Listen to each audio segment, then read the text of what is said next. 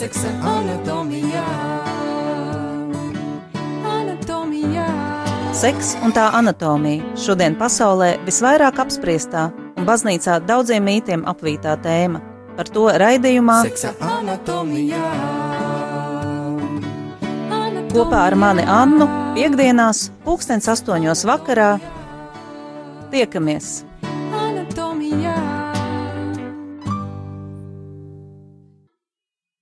Sveicināti, mīļie radio klausītāji!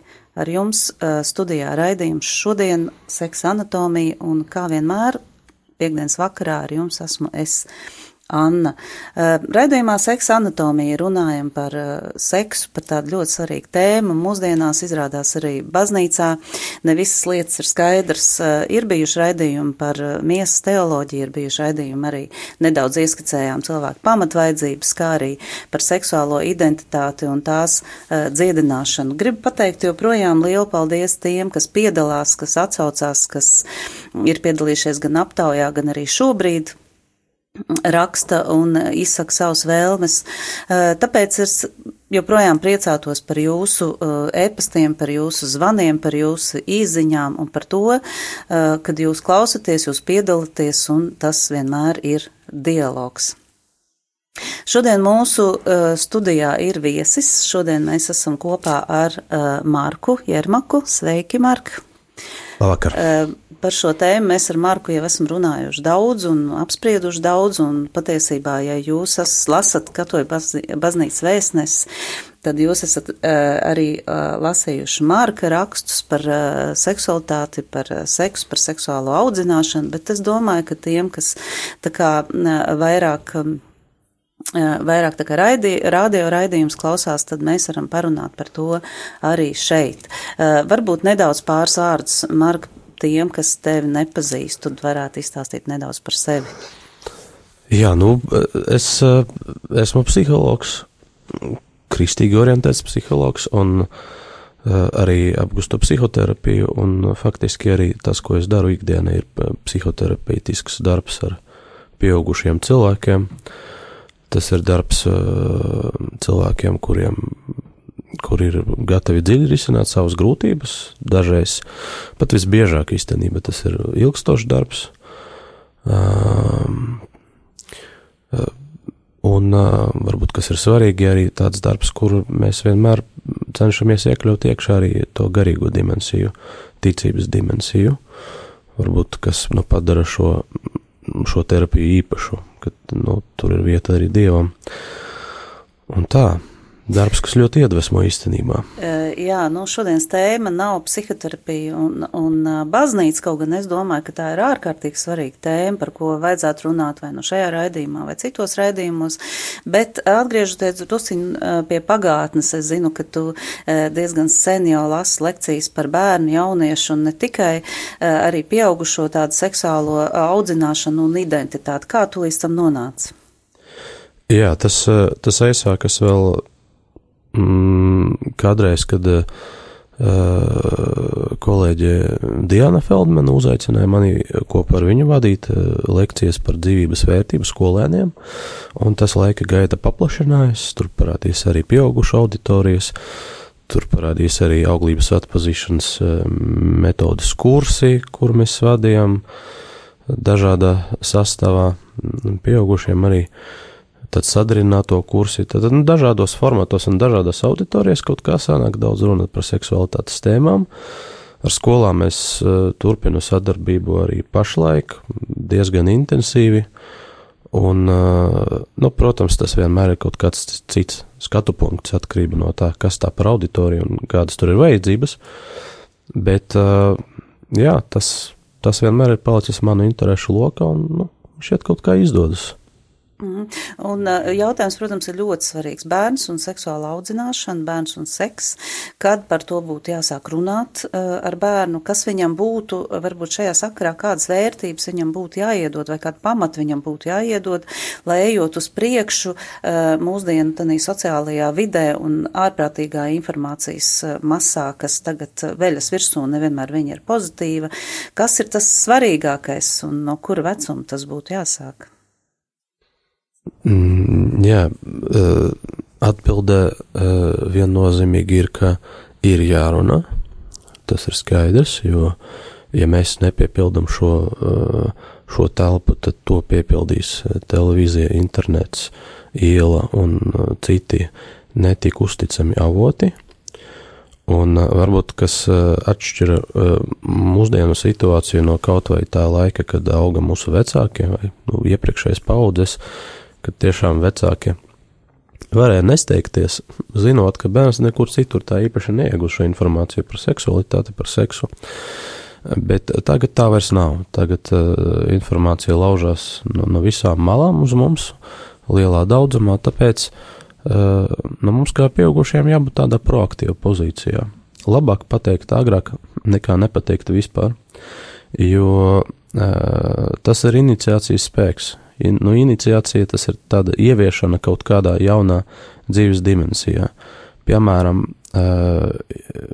un, un tā vienmēr ir spēks. Nu, es domāju, ka katrs no mums var atcerēties dienu, kad mēs iemācījāmies peldēt, piemēram, vai braukt ar rīteni. Jā, tā ir spilgtā diena, pirmā skolas diena. T tam ir liels spēks, šai pieredze ir liels spēks, un tā turpina ietekmēt mūs turpmāk šī pirmā pieredze var stiprināt, vai arī nu, tieši pretēji radīt kaut kādu smagumu. Un līdzīgi ir arī mm, par šo uh, seksuālas audzināšanas tēmu. Piemēram, ir labi, kad meitene uzzina, ka kādreiz viņai būs mēnešreizes, un ko tas varētu nozīmēt, un kāda tam ir vērtība. Uh, nevis tad, kad tas jau sākas. Nevis tad, kad viņa jau sen to ir izlasījusi kaut kur, uh, kaut kādā vulgārā versijā ir dzirdējusi mm, no cilvēkiem, kuri neuzņemas nekādu atbildību par to, ko viņi saka un kā, bet labāk, lai viņi to uzzinātu, piemēram, no savas mammas, mierīgi, skaistā atmosfērā, tādā e, atmosfēra, kas tiešām ir domāta tādai sirsnīgai sarunai, un mamma pastāstīja, ko tas nozīmē. Ka, mm, tas nozīmē, ka tu kļūsti par sievieti, tas nozīmē, ka uh, tu vari dāvāt dzīvību, ka tu kļūsti arī eh, sieviete fizioloģiski, ka tu kļūsti eh, nu, tāda, mm, tev pavēras arī tā seksualitāte tavā, ja, ko jāmāk izmantot, protams, bet tas viss ir skaisti, jā, tāds vēstījums. Es tagad dodu tikai vienu to aspektu, ja, piemēram, par, par menstruālo ciklu, mm, bet arī vēl eh, stipri iepriekš, tad, kad bērnam ir divi, trīs, četri, pieci gadi, tādā vecumā mēs nerunājam par seksuālām lietām tādā tiešā veidā, bet tas jau vienmēr telēni ir klātesošs mūsu dzīvē. Kaut vai pasakās, tur tev arī par attiecībām ir. Tur, tur, tur, tur vienmēr arī tā gudrība par to, kā būt vīrietim vai kā būt sievietei. Un tas arī īstenībā ir lielā mērā par seksualitāti, par identitāti. Tāpēc, uh, laikam, tā pamatlieta ir, ka mēs kā pieaugušie spētu mierīgi un bērna vecumam adekvāti pacelt jebkādus jautājumus, kas viņam interesē. Jā, jo tas ir normāli, kad bērns četru gadu vecumā prasā, kā es esmu radies. Tas ir pilnīgi normāli. Nenormāli ir tad, kad pieaugušais nespēja atbildēt. Ka viņam paliek kauns, vai viņš sadusmojas un saka, ko tu prasīji, un nu, visas šīs lietas. Nu, šī ir ļoti svarīga tēma, un uh, tu saki, ka nenormāli tad, kad pieaugušais nevar atbildēt, bet uh, tur jau ir, man liekas, tā lielākā problēma, ka mums pieaugušiem ar neviens nemāca, un neviens ģimenē nav mācījis to, kā runāt ar bērniem, kā runāt ar pusauģiem, un saskaroties um, šajā, varētu teikt, tēmā, bieži vien uh, ar ģimenēm, kuri tā arī paprasa, kā tad īstenībā man jau ir pašai kauns par to runāt sabiedrībā. Man pašai vai pašam ir kauns uh, par to runāt pat faktiski ar otru cilvēku. Ja? Tā tad nodarboties ar seksu mēs varam, bet runāt par to, diemžēl, nevienmēr. Un, un tad ir tā, ka labāk jau, lai viņš ieiet internetā un uzzina pats, vai labāk, lai viņš ieiet un tāpat jau viņš tur izlasīs, ko tad es tur tik daudz runāšu. Un tā ir tāda duāla situācija manā uzturē. Kā vecākiem nonākt pie tā, lai uh, viņi būtu adekvāti jebkurā tēmā saviem bērniem? Mhm. Jā, tiešām tas nav viegli. Ja tas būtu viegli, tad eh, arī par to nebūtu jārunā.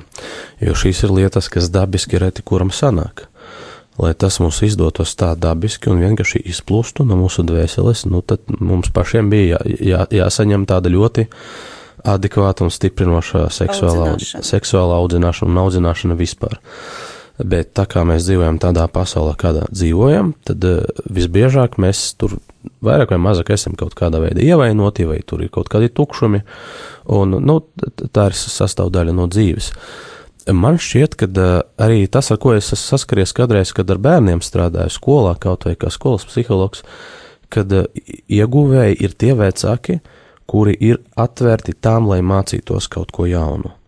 Tātad nevis tie, kuri iziet no pozīcijas, ka es jau visu zinu, un bērnam ir jāpielāgojas man, un ja viņš nav spējīgs, tad viņš ir tur slinks un vēl kaut kāds, bet tādi vecāki, kuri ir elastīgi, kuri ir gatavi, aha, es nezinu, es nezinu, kā runāt, piemēram, par seksuālām tēmām ar manu pusaudzi, bet es gribu iemācīties. Palīdziet man, kā to izdarīt. Tātad šī atvērtība, tas ir pats svarīgākais. Un, protams, milzīgs resurs ir tad, ja šī atvērtība ir abiem vecākiem. Eh, jo ļoti bieži arī ir tā, ka, nu, visbiežāk laikam mammai tas rūp, tētis kaut kur bišķiņ tālāk viņš distancējas, jā, vienmēr ieguvēji ir tie, kuri dara to kopā, tādā koalīcijā. Es atceros sarunu ar vienu mammu, mm, kurā bija ļoti norūpējusies par to, ka viņas dēls uh, piektajā klasē, ja nemaldos, nu, tad, tie ir kaut kādi desmit gadi, varētu šķiet, ka tikai desmit gadi, bet jau desmit gadi, un draudzējas ar meiteni, kas ir vecāka par viņu, un, un tas ir nu, tā, nu, neparasti, un, un, un kas tur var notikt, un nu, tādas uh, normāls pieaugušā reizes. Un mēs sarunājāmies ar šo mammu, un es viņai pajautāju, bet uh, vai uh, kādas viņam ir attiecības ar tēti? Viņš saka, ka nu, labas attiecības, remontē mašīnu kopā un tur dara vīru, vīru lietas dara kopā. Es saku, nu, bet kāpēc tētis nevarētu pacelt šo tēmu? Viņam ar dēlu būs vieglāk kā vīrietim. Kāpēc viņš nevarētu ar viņu parunāt? Ko tas nozīmē šī, šī, šī mīlestība, ko, ko tas nozīmē atbildība, jā, ka tā seksuālā dzīve varētu sākties jau e, tīri fizioloģiski, bet, nu, vai tam ir īstais laiks, un, uh, un šī sieviete pieņēma šo ideju, aizgāja, un pēc tam es saņēmu arī no viņas atgrieziensku saiti par to, ka jā, izdevās. Vienkārši nebija ienācis prātā. Nebija ienācis prātā tas, ka uh, vispār tēvs var to izdarīt, un tas ir viņa spēkos.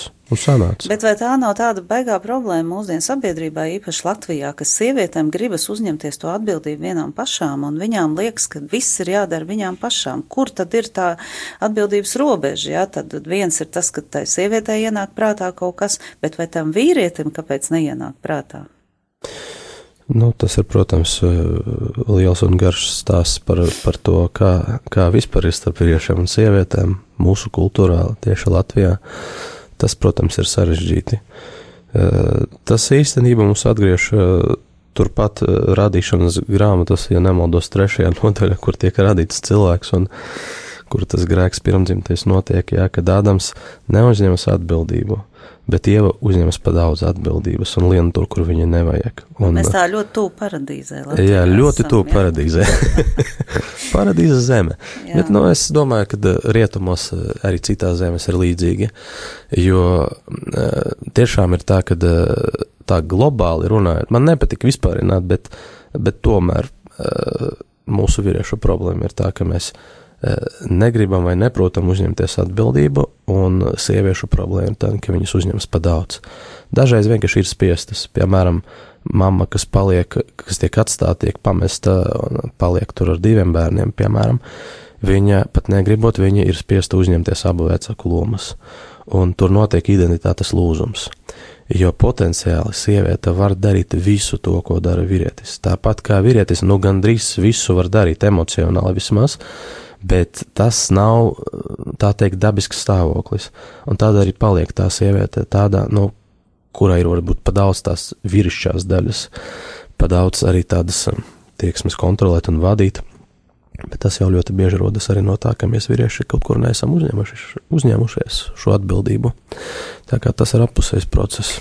Nu jā, te ir tas arī viens no jautājumiem. Mēs drusciņā aizgājām nostāk no tā, par ko mēs sākām, bet uh, viens no tiem jautājumiem par tām lomām sabiedrībā, jā, tātad sabiedrībā un ģimenē.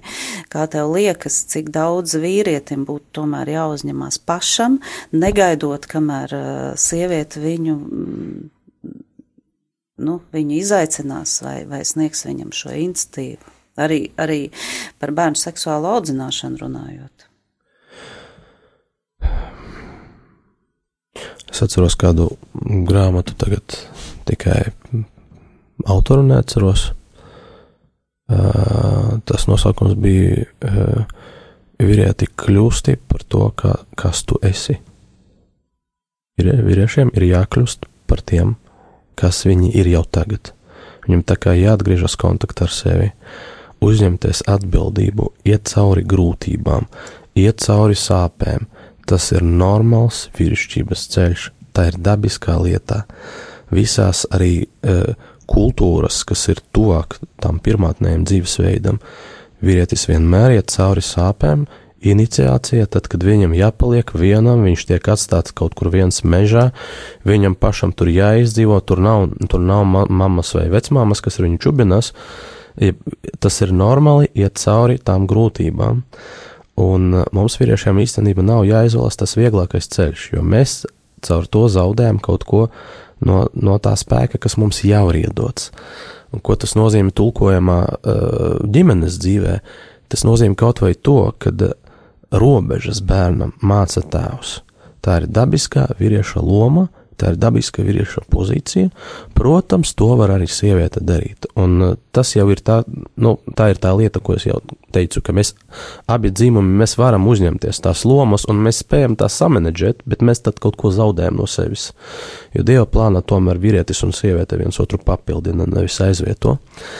Un, uh, tas nozīmē, ka tēvs ir tas, kurš bērnu pārsvaru var disciplinēt, kurš spēj adekvāti un taisnīgi uh, viņu sodīt, ja tas ir nepieciešams, kurš māca viņam ieved bērnu plašā pasaulē. Atšķirība no mammas, kas māca bērnam to emocionālo daļu un kā būt šaurā lokā, ģimenes lokā, starp diviem cilvēkiem, tādās tuvās attiecības, tēvs ir tas, kurš māca, kā būt lielajā pasaulē, kurš māca, kā atšķirt labo no ļauna, kurš māca, kādiem cilvēkiem uzticēties un kādiem nē. Tātad tēvs uh, ieliek tās vērtības, kas bērnam palīdz pēc tam orientēties dzīvē kopumā. Un tagad, tuvāk pie dzimuma audzināšanas, tēvs ir tas, kurš apstiprina savu meitu, ka viņa ir sieviete, un ka viņa kā sieviete ir ok, ka ar viņu viss ir kārtībā. Viņa ir skaista, viņa ir vērtīga, viņai ir pamats sevi cienīt, tas ir tas, ko dabiski ieliek vīrietis. Un, nu, tas ir tas arī, ko es redzu savā darbā ikdienā, kad uh, daudzas sievietes, kuras ir veiksmīgas, ir gudras, bet viņās ir palicis šis tukšums, tāpēc, ka šis apstiprinājums nav saņemts. Un viņu pēc tam var uh, kompensēt dažādos citos veidos, kaut vai arī psihoterapijas procesā, bet uh, nu, īstenībā tas ir tukšums. Tāpat arī ar zēniem. Tēvs ir tas, kurš apstiprina viņu kā vīrieti. Tātad es ticu, ka tev sanāks. Es tevi redzu kā spējīgu vīrieti. Un tas ir ļoti, tas īstenībā, tas ir pats svarīgākais seksuālā audzināšanā. Viņu apstiprināt kā vīrieti, viņu apstiprināt kā sievieti. Ja būs šī cieņa, kas dabiski bērnā ir radusies vai pusaudzī, tad viņam varbūt nebūs tik ilgi pēc tam jāskaidro, kāpēc tev nevajadzētu gulēt ar katru tavu draugu vai draugu. Tātad faktiski apstiprinājums nāk no vecākiem, nevis no tā, ka kāds, ar kuru es pārguļu, apstiprina, ka es esmu labs gana, ja, pie šī Jā. kontakta. Jā, tas ir, tas ir drīzāk tieši sekas tam, ka kā tas notiek ar meitenēm, ļoti bieži viņa nav saņēmusi šo apstiprinājumu, bet viņa ir šī dabiskā vajadzība pēc vīrišķa apstiprinājuma, pēc uh, laba vārda, pēc laba pieskāriena, pēc laba skūpsta, pēc tādām lietām, kas ir pilnīgi dabiskas starp vecāku un bērnu. Viņa to nav saņēmusi, bet viņas dvēsele ilgojas pēc tā, ko izdara viņa sasniedzot pusauģu vecumu. Uh, nu, skaidrs, ka viņa to meklē pie, pie vienaudžiem, meklē, meklē to pārspīlētā veidā, varbūt īpaši nu, tiešām slāpst pēc tā pieskāriena. Un viņa dabūna to pieskārienu, bet šīs puses vienaudzis, viņš varbūt nav ļauns, bet viņš nav spējīgs viņu iedot to tevišķo, jo viņš nav tēvs, viņš nav tādā pozīcijā. Un tad sanāk tas, ka uh, steidzamies ar seksuālām attiecībām. Caur to īstenībā tā meitene drusku arī iegūst, drusku viņa uh, apmierināt tās slāpes pēc pieskāriena, pēc tuvības. Viņai tas pats seks nav vajadzīgs īstenībā. Ļoti bieži ir tā, es sarunājos ar meitenēm, tādām pusaudzēm. Dažreiz ir tā, ka nu, viņa, viņa saka, man tas nav vajadzīgs. Es redzu, ka viņš to grib, bet man jau ir svarīgi, ka mēs esam kopā. Man ir svarīgi, ka man viņu samīļo. Tā, tā tuvība, bet ne seksuālā veidā. Un tās meitenes, kuras ir saņēmušas šo tuvību neseksuālā veidā no cita vīrieša, no sava tēva, uh, viņam nav tik asa šī vajadzība atristeikties ar seksuālām attiecībām. Un tad atkal, jo tā audzināšana ļoti bieži mēs pieaugušie tā aprobežoti skatāmies, ka nu, seksuāla audzināšana tas nozīmē, ka es daudz runāšu un skaidrošu un sniegšu daudz informācijas, bet galvenā informācija ir tas, kā es dzīvoju. No tā bērns mācās. Un, ja viņš, piemēram, ja tā meita ir iegūsi pieredzi, kā tēvs izturas ar cieņu pret mammu, pret mani, viņa kaut ko līdzīgu sagaida arī no vienaudžiem no puišiem. Un viņa nav gatava būt ar kuru, kuru katru kopā. Tātad, jo viņi ir pāraugs labs. Tātad, redziet, darbie vīrieši, kāda mums īstenība ir vara. Mums ir milzīga vara iedot un milzīga atbildība, un ja mēs to nepaņēmam, ja mēs ļaujam arī uh, Eh, nu, skarbi izklausās, bet ja mēs ļaujam sievietei mūs izstumt no tās atbildības zonas, vai tā ir sieva, vai tā ir sievas māte, vai tas ir vēl kāds, es nezinu, ja mēs aizējam no savas vietas, tad mēs īstenībā atstājam savus bērnus no tādā liela neziņā un nedrošībā. Mums nav tiesību no turienes aiziet.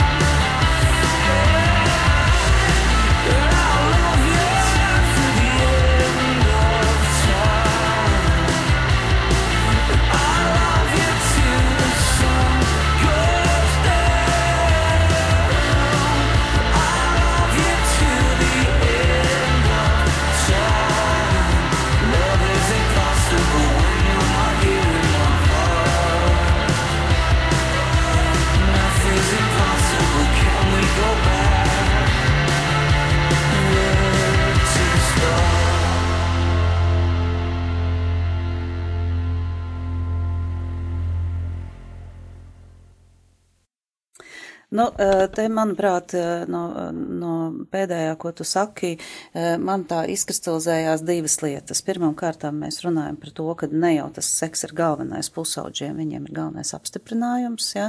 Tātad te mēs varam runāt par to, ka tomēr seks kā tāds nav pamatvairdzība, bet pamatvairdzība ir laikam tomēr mīlestība, tuvība un tas, ko mēs attiecībās vēl varam saņemt nu, kā tad izšķirt tas, tas tās pamatvaidzības var būt tās un, un, un uh, kā, kā saprast savas vajadzības, kas tad man īsti ir vajadzīgs, ja šobrīd, vai tas seks, vai tomēr kaut kas cits. Bet tas laikam ne tikai uz jauniešiem attiecās, tas attiecās arī uz pieaugušajiem. Nu, es nepretendēju uz kaut kādu tādu medicīnisku skatu, bet tīri par to psiholoģisko daļu varu apgalvot, ka seks nav cilvēka pamatvajadzība, pamatvajadzība ir tuvība. Mīlestība droši vien. Jā, jā tāda, tāda mīlestība, mīlestība skan uh, priekš manis tā ļoti plaši, un šīs vārds kaut kur ir uh, diezgan devalvēts, jo par viņu runā tik daudz, ka nemaz nevar īsti saprast, ka, mm. ka, kas tas tāds ir, bet uh, uh, tas mīlestības aspekts, kas ir patiesa tuvība, tas nozīmē, ka es varu kļūt ievainojams otru cilvēku priekšā, es varu viņu ielaist dziļi savā dvēselē, ja tas notiek caur seksuālām attiecībām, tad arī tā ķermeņa savienošanās, bet šīs intimitātes pēc tās ilgojas katrs cilvēks, un dažādos veidos to var izdzīvot, dažādas attiecībās, dažādos aicinājumos to var izdzīvot. Uh, un, protams, tas ir kas paredzēts vīriešam un sievietes attiecībām, arī tā skaita arī caur seksuālām attiecībām. Bet, uh, ja mēs uh, nespējam vai mums neizdodas šo tuvību izveidot šo tuvību, rādīt, un šīs tuvības trūkst, tad sākas, nu, īstenībā tad sākas neiroze. Tad sākas dažādi bēgšanas veidi, tad mēs meklējam veidus, kā simulēt to tuvību, tad, eh, nu, tā tuvība pārvēršas par kaut kādu karikatūru. Piemēram, es eh, eh, daudz esmu saskaries ar tādiem gadījumiem, kad vīrietim ir atkarīga, atkarība no masturbācijas pat tad, ja viņam ir sieva, pat tad, ja viņam ir e, pieejamas tās seksuālas attiecības. Nu, tas ir tāds stereotips. Dažreiz tā saka, ka, nu, nu tas jau nekas, ka vīrietis sevi paša, pats apmierina, nu, apprecēsies, tad būs regulārs seks un tas viss pāries. Mhm. Redziet, ļoti bieži nepāriet. Nepāriet. Kāpēc?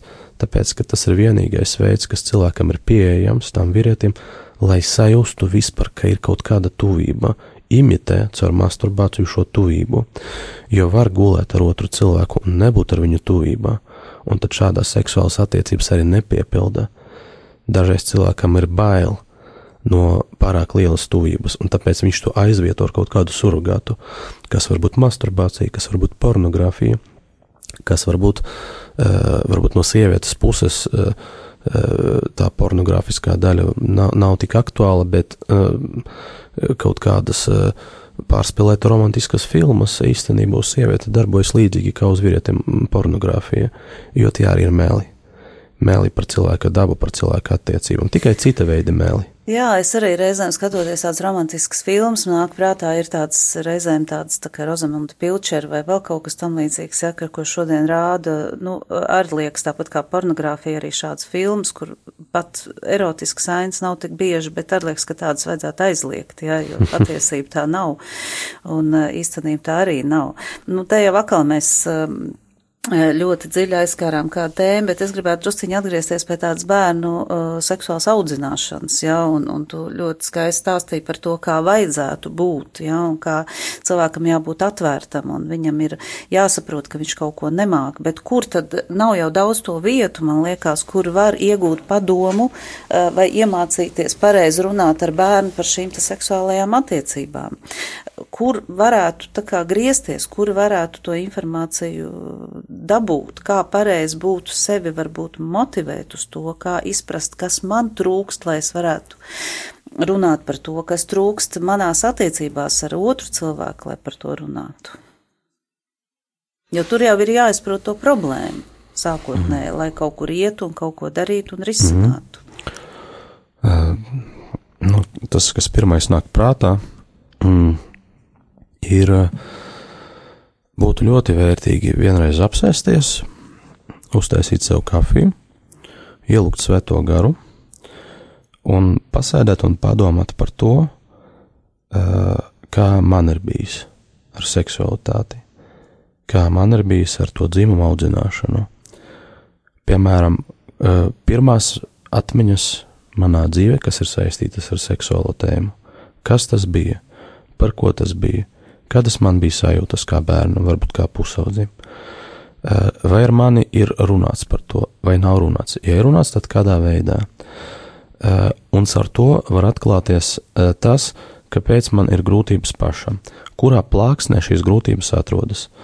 Varbūt tas ir kauns, varbūt pirmās atmiņas, tā pirmā pieredze, iniciācijas pieredze ir saistīta ar kaunu, kādu pārspīlētu.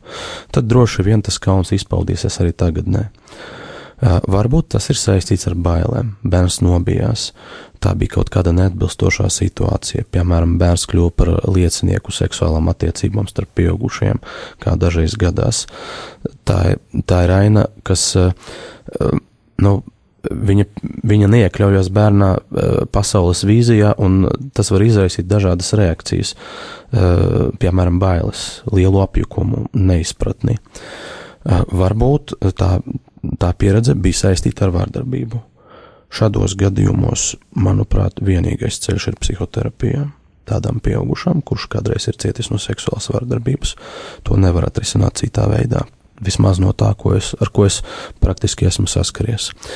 Ir lietas, ko mēs varam paši, un ir lietas, ko mēs nevaram paši. Tur ir vajadzīga palīdzība. Tātad ir svarīgi ieraudzīt. Eh, tas, tas ir tāda jocīga analoģija varbūt, bet ir trīs lietas, eh, par kurām vecākiem ir īpaši grūti adekvāti un mierīgi sarunāties ar saviem bērniem. Tā ir nāve, nauda un seks. Ja vecāks spēj par šīm trim lietām runāt mierīgi, tad, eh, nu, tad viņš spēj runāt par jebko. Un tas ir drusku līdzīgi kā ar nāvi, ar zaudējumiem. Kā tas bija mūsu ģimenēs? Uh, visbiežāk par to netika runāts vispār. It kā nekas tāds nepastāv kāds nomirst, raudāt par to, ja drīkst, tad vienu dienu. Pēc tam tas ir jāaizmirst. Tātad e, bērnam tiek iemācīts izspiest, izstumt un noliegt to, kas ir noticis reāli. Un līdzīgi ir ar seksuālu tēmu. Neizstumt, neizspiest, bet uh, darīt to par kopējas tādas izpētes objektu. Bērns uzdot jautājumu, kā es esmu radies? Ko es jūtu pirmā, pie, pirmajā brīdī? Kas tas ir? Bailes, kauns, uh, viņš manī nokaitinājis ar šo jautājumu, kas tas ir. Tas nav par manu bērnu, tas ir par mani. Tas ir jāsaprot. Tas ir ļoti svarīgi, jo tas man palīdzēs arī saprast, kā es varu iet ārā no šīs manas aprobežotības. Es varu viņam pajautāt, interesants jautājums, a, kāpēc tu prasi? Painteresējies, pajautā, kāpēc, kāds ir jautājuma konteksts. Bērns tev iedos šo kontekstu. Viņš var pateikt, tāpēc, ka tur es redzēju to un to, es dzirdēju to un to. Tāpēc kā, tā bērna atbilde dažādos vecuma posmos var būt ļoti pārsteidzoša mums pieaugušiem. Un tad, kad es saprotu kontekstu, es eh, varu aptuveni iedomāties, eh, kādā veidā es varu viņu atbildēt. Piecgadīgam bērnam nav jāskaidro par olšonam un spermatozīdiem. Tā nav viņa valoda. Uh, bet es varu ar viņu sarunāties tēlēni, jo bērns līdz sešu gadu vecumam viņš dzīvo tēlu pasaulē, metaforu pasaulē, pasaku pasaulē. Un par svarīgām lietām es ar bērnu varu sarunāties caur pasakām, caur tēliem, caur to, ka tētis kādreiz satika māmiņu. Viņi ļoti mīlēja viens otru, un vienā brīdī tētis iesēja sēklu zem mammas sirds, un tur izaugi tu.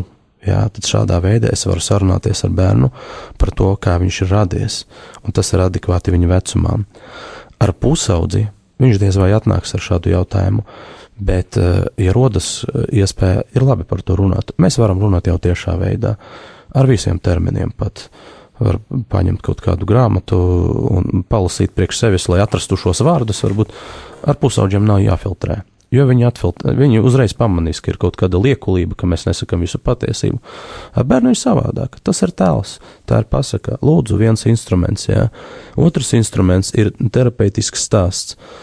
E, tas ir stāsts par to, e, kad ir kaut kāds varonis, kas ir līdzīgs šim bērnam, kurš iet, grūti, kaut, kurš iet cauri kaut kādām grūtībām, un rezultātā viņš uzvar. Šādi stāsti bērnu ļoti stiprina. Uh, Kā tas ir dzimuma audzināšanas kontekstā? Stāstiet bērnam par viņu, par viņu piedzimšanas stāstu. Stāstiet par, par viņa, dzem, par jūsu ma, cienījamas māmiņas dzemdību dienu. Pastāstiet viņam, kā tas bija, kāds bija laiks, kā jūs viņu gaidiet. Varbūt tas bija grūti, varbūt tas bija bēdīgs laiks, jūsu dzīve sarežģīts. Stāstiet arī par to, jo rezultātā jūs abi kopā ar savu bērnu esat uzvarējuši. Stāstiet viņam, kā braucat uz slimnīcu, kā tur bija pa ceļu, kurš jūs atbalstīja, kurš neatbalstīja. Un uh, par to pirmo satikšanos. Uh, ko jūs pamanījāt, ko jūs ieraudzījāt, kas jums likas īpaši, par to pirmo pieskārienu bērnam. Bērni klausās šos stāstos ļoti uzmanīgi. Es to esmu piedzīvojis pats ar saviem bērniem, un arī daudzi citi pieaugušie nu, teica, ka jā, tā ir laba pieredze, tas strādā. Šāds stāsts bērnu stiprina pašā būtībā. Es esmu vērtīgs, mana dzīve ir, ir vērtība. Tas bija kaut kas īpašs. Tas arī tādos gadījumos, kad, piemēram, kaut kāda konkurence starp bērniem ģimene, tur uh, viņi strīdās, ka katram šķiet, ka viņam pietrūkst vecāka uzmanības. Nu, paņemat to vienu bērnu un pasēdiet ar viņu atsevišķi un pastāstiet viņam šo stāstu. Dažreiz ir tā, ka viņi lūdz, lai vēlreiz stāsta. Nākamajā vakarā atkal grib pastāstīt pasaciņas vietā, pastāstīt manas piedzimšanas stāstu. Tā notiek bērna dzimuma audzināšanā līdz Paša sākuma, jā, pašā sākumā. Tas ir ļoti dabiski. Un tas, redziet, tas vairs te nav jā, jāiet cauri kaut kādām milzīgām kaunam. Mm. Tas ir jūsu spēkos, tas nav nekas sarežģīts. Mm. Te vienkārši dažreiz pietrūkst zināšanu, ka tā var. Mm. Bet tā, tā ir kolosāla dzimuma audzināšana bērnam līdz 5 gadu vecumam, 6 gadu vecumam. Nu jā, pareizi jau ir pietrūkst zināšanas, jo, teiksim, internetā vai kaut kādā sociālā vidē bieži vien mēs šādus padomus neatrodam. Eh, Laiks, diemžēl, iet uz priekšu, varētu runāt un uh, runāt, bet um, radio klausītāji, es gribu uh, jums teikt tādu labu ziņu, ka Marks būs arī nākamajā raidījumā, tā kā noteikti pēc divām nedēļām um, ieslēdziet savus uh, radioaparātus um, piekdienā. Astoņos vakarā. Uh, Mark, paldies, ka biji šodien uh, kopā, šovakar kopā ar mums. Paldies, ka uzaicināji. Un uh, tiekamies pēc divām nedēļām. Visu labu! Visu labu! Seksa anatomijā. Anatomijā. Seks un tā anatomija šodien pasaulē visvairāk apspriestā un baznīcā daudziem mītiem apvītā tēma. Par to raidījumā Seksa anatomijā. Kopā ar mani Annu piekdienās, pulkstens astoņos vakarā. Tiekamies!